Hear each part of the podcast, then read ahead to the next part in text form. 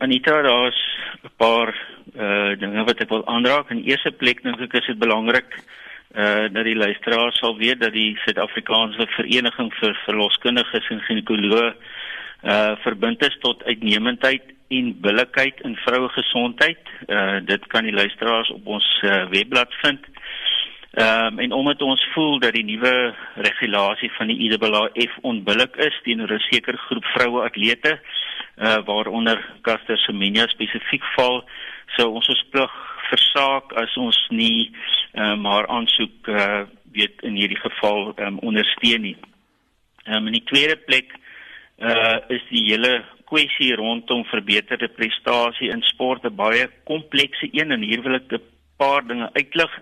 Uh, in die eerste plek is daar uh heelwat onbeantwoorde vrae oor hoe testosteron regtig werk met betrekking tot uh verbeterde atletiese vertoning of prestasie.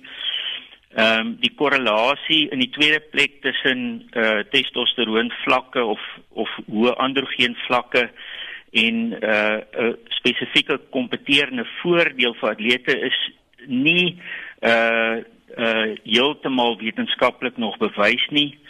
Uh in die derde plek weet ons dat daar ander genetiese toestande is wat ehm um, wat atlete ook kan bevoordeel. Uh en hierdie toestande word uh glad nie deur die IAAF ehm um, aangespreek nie.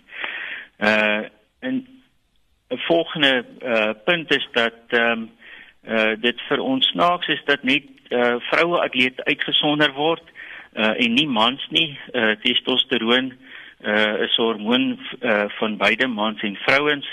Uh, en ek is seker daarvan dat dieselfde argumente sou kon geld uh, waar mans uh, baie hoë testosteron uh, vlakke het.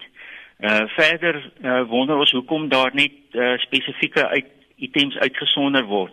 Uh, spesifiek die items uh weet tussen 400 meter uh en 'n myl in in vrouens uh en ander uh items in atletiek soos nalope en baan items uh word uh word glad nie uh hierdeur geraak nie. Dokter van der Merwe, ekskuus, ek wil by julle tegniese punte uitkom want ek praat nou spesifiek met jou as medikus. Ja. Julle sê in julle media vrystelling en ek haal aan dat die voorgestelde geforseerde mediese behandeling van atlete langtermyn negatiewe gevolge vir hulle kan inhou. As 'n dokter kan jy vir ons uitbrei daarop? Ja.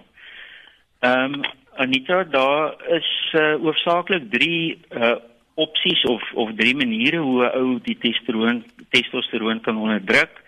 Uh die mees algemene is deur gewone orale kontrasepsie te gebruik. Uh die tweede is deur 'n uh, sekere groep middels wat ons GnRH agoniste noem. En dan die derde opsie is om 'n gonadektomie te doen, met ander woorde in vrouens deur hulle ovaria te gaan uithaal.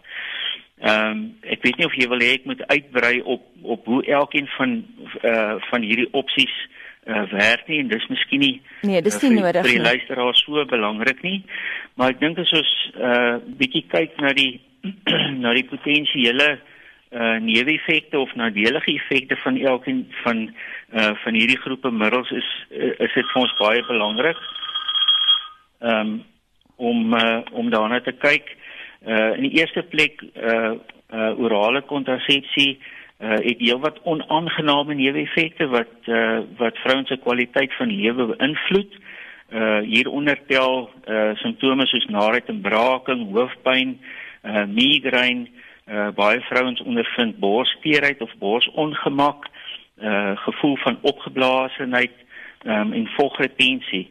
Nou soos ek noem is hierdie onaangename effek neeweffekte wat die kwaliteit van lewe beïnvloed, maar daar is ook ander meer ernstige neeweffekte wat wat uh, wat mediese implikasies het en hiervan is die mees belangrikste ehm um, uh eh, diepenese trombose, die assosiasie daarmee met orale kontrasepsie en pulmonale embolie, uh selfs goed soos uh hoë bloeddruk.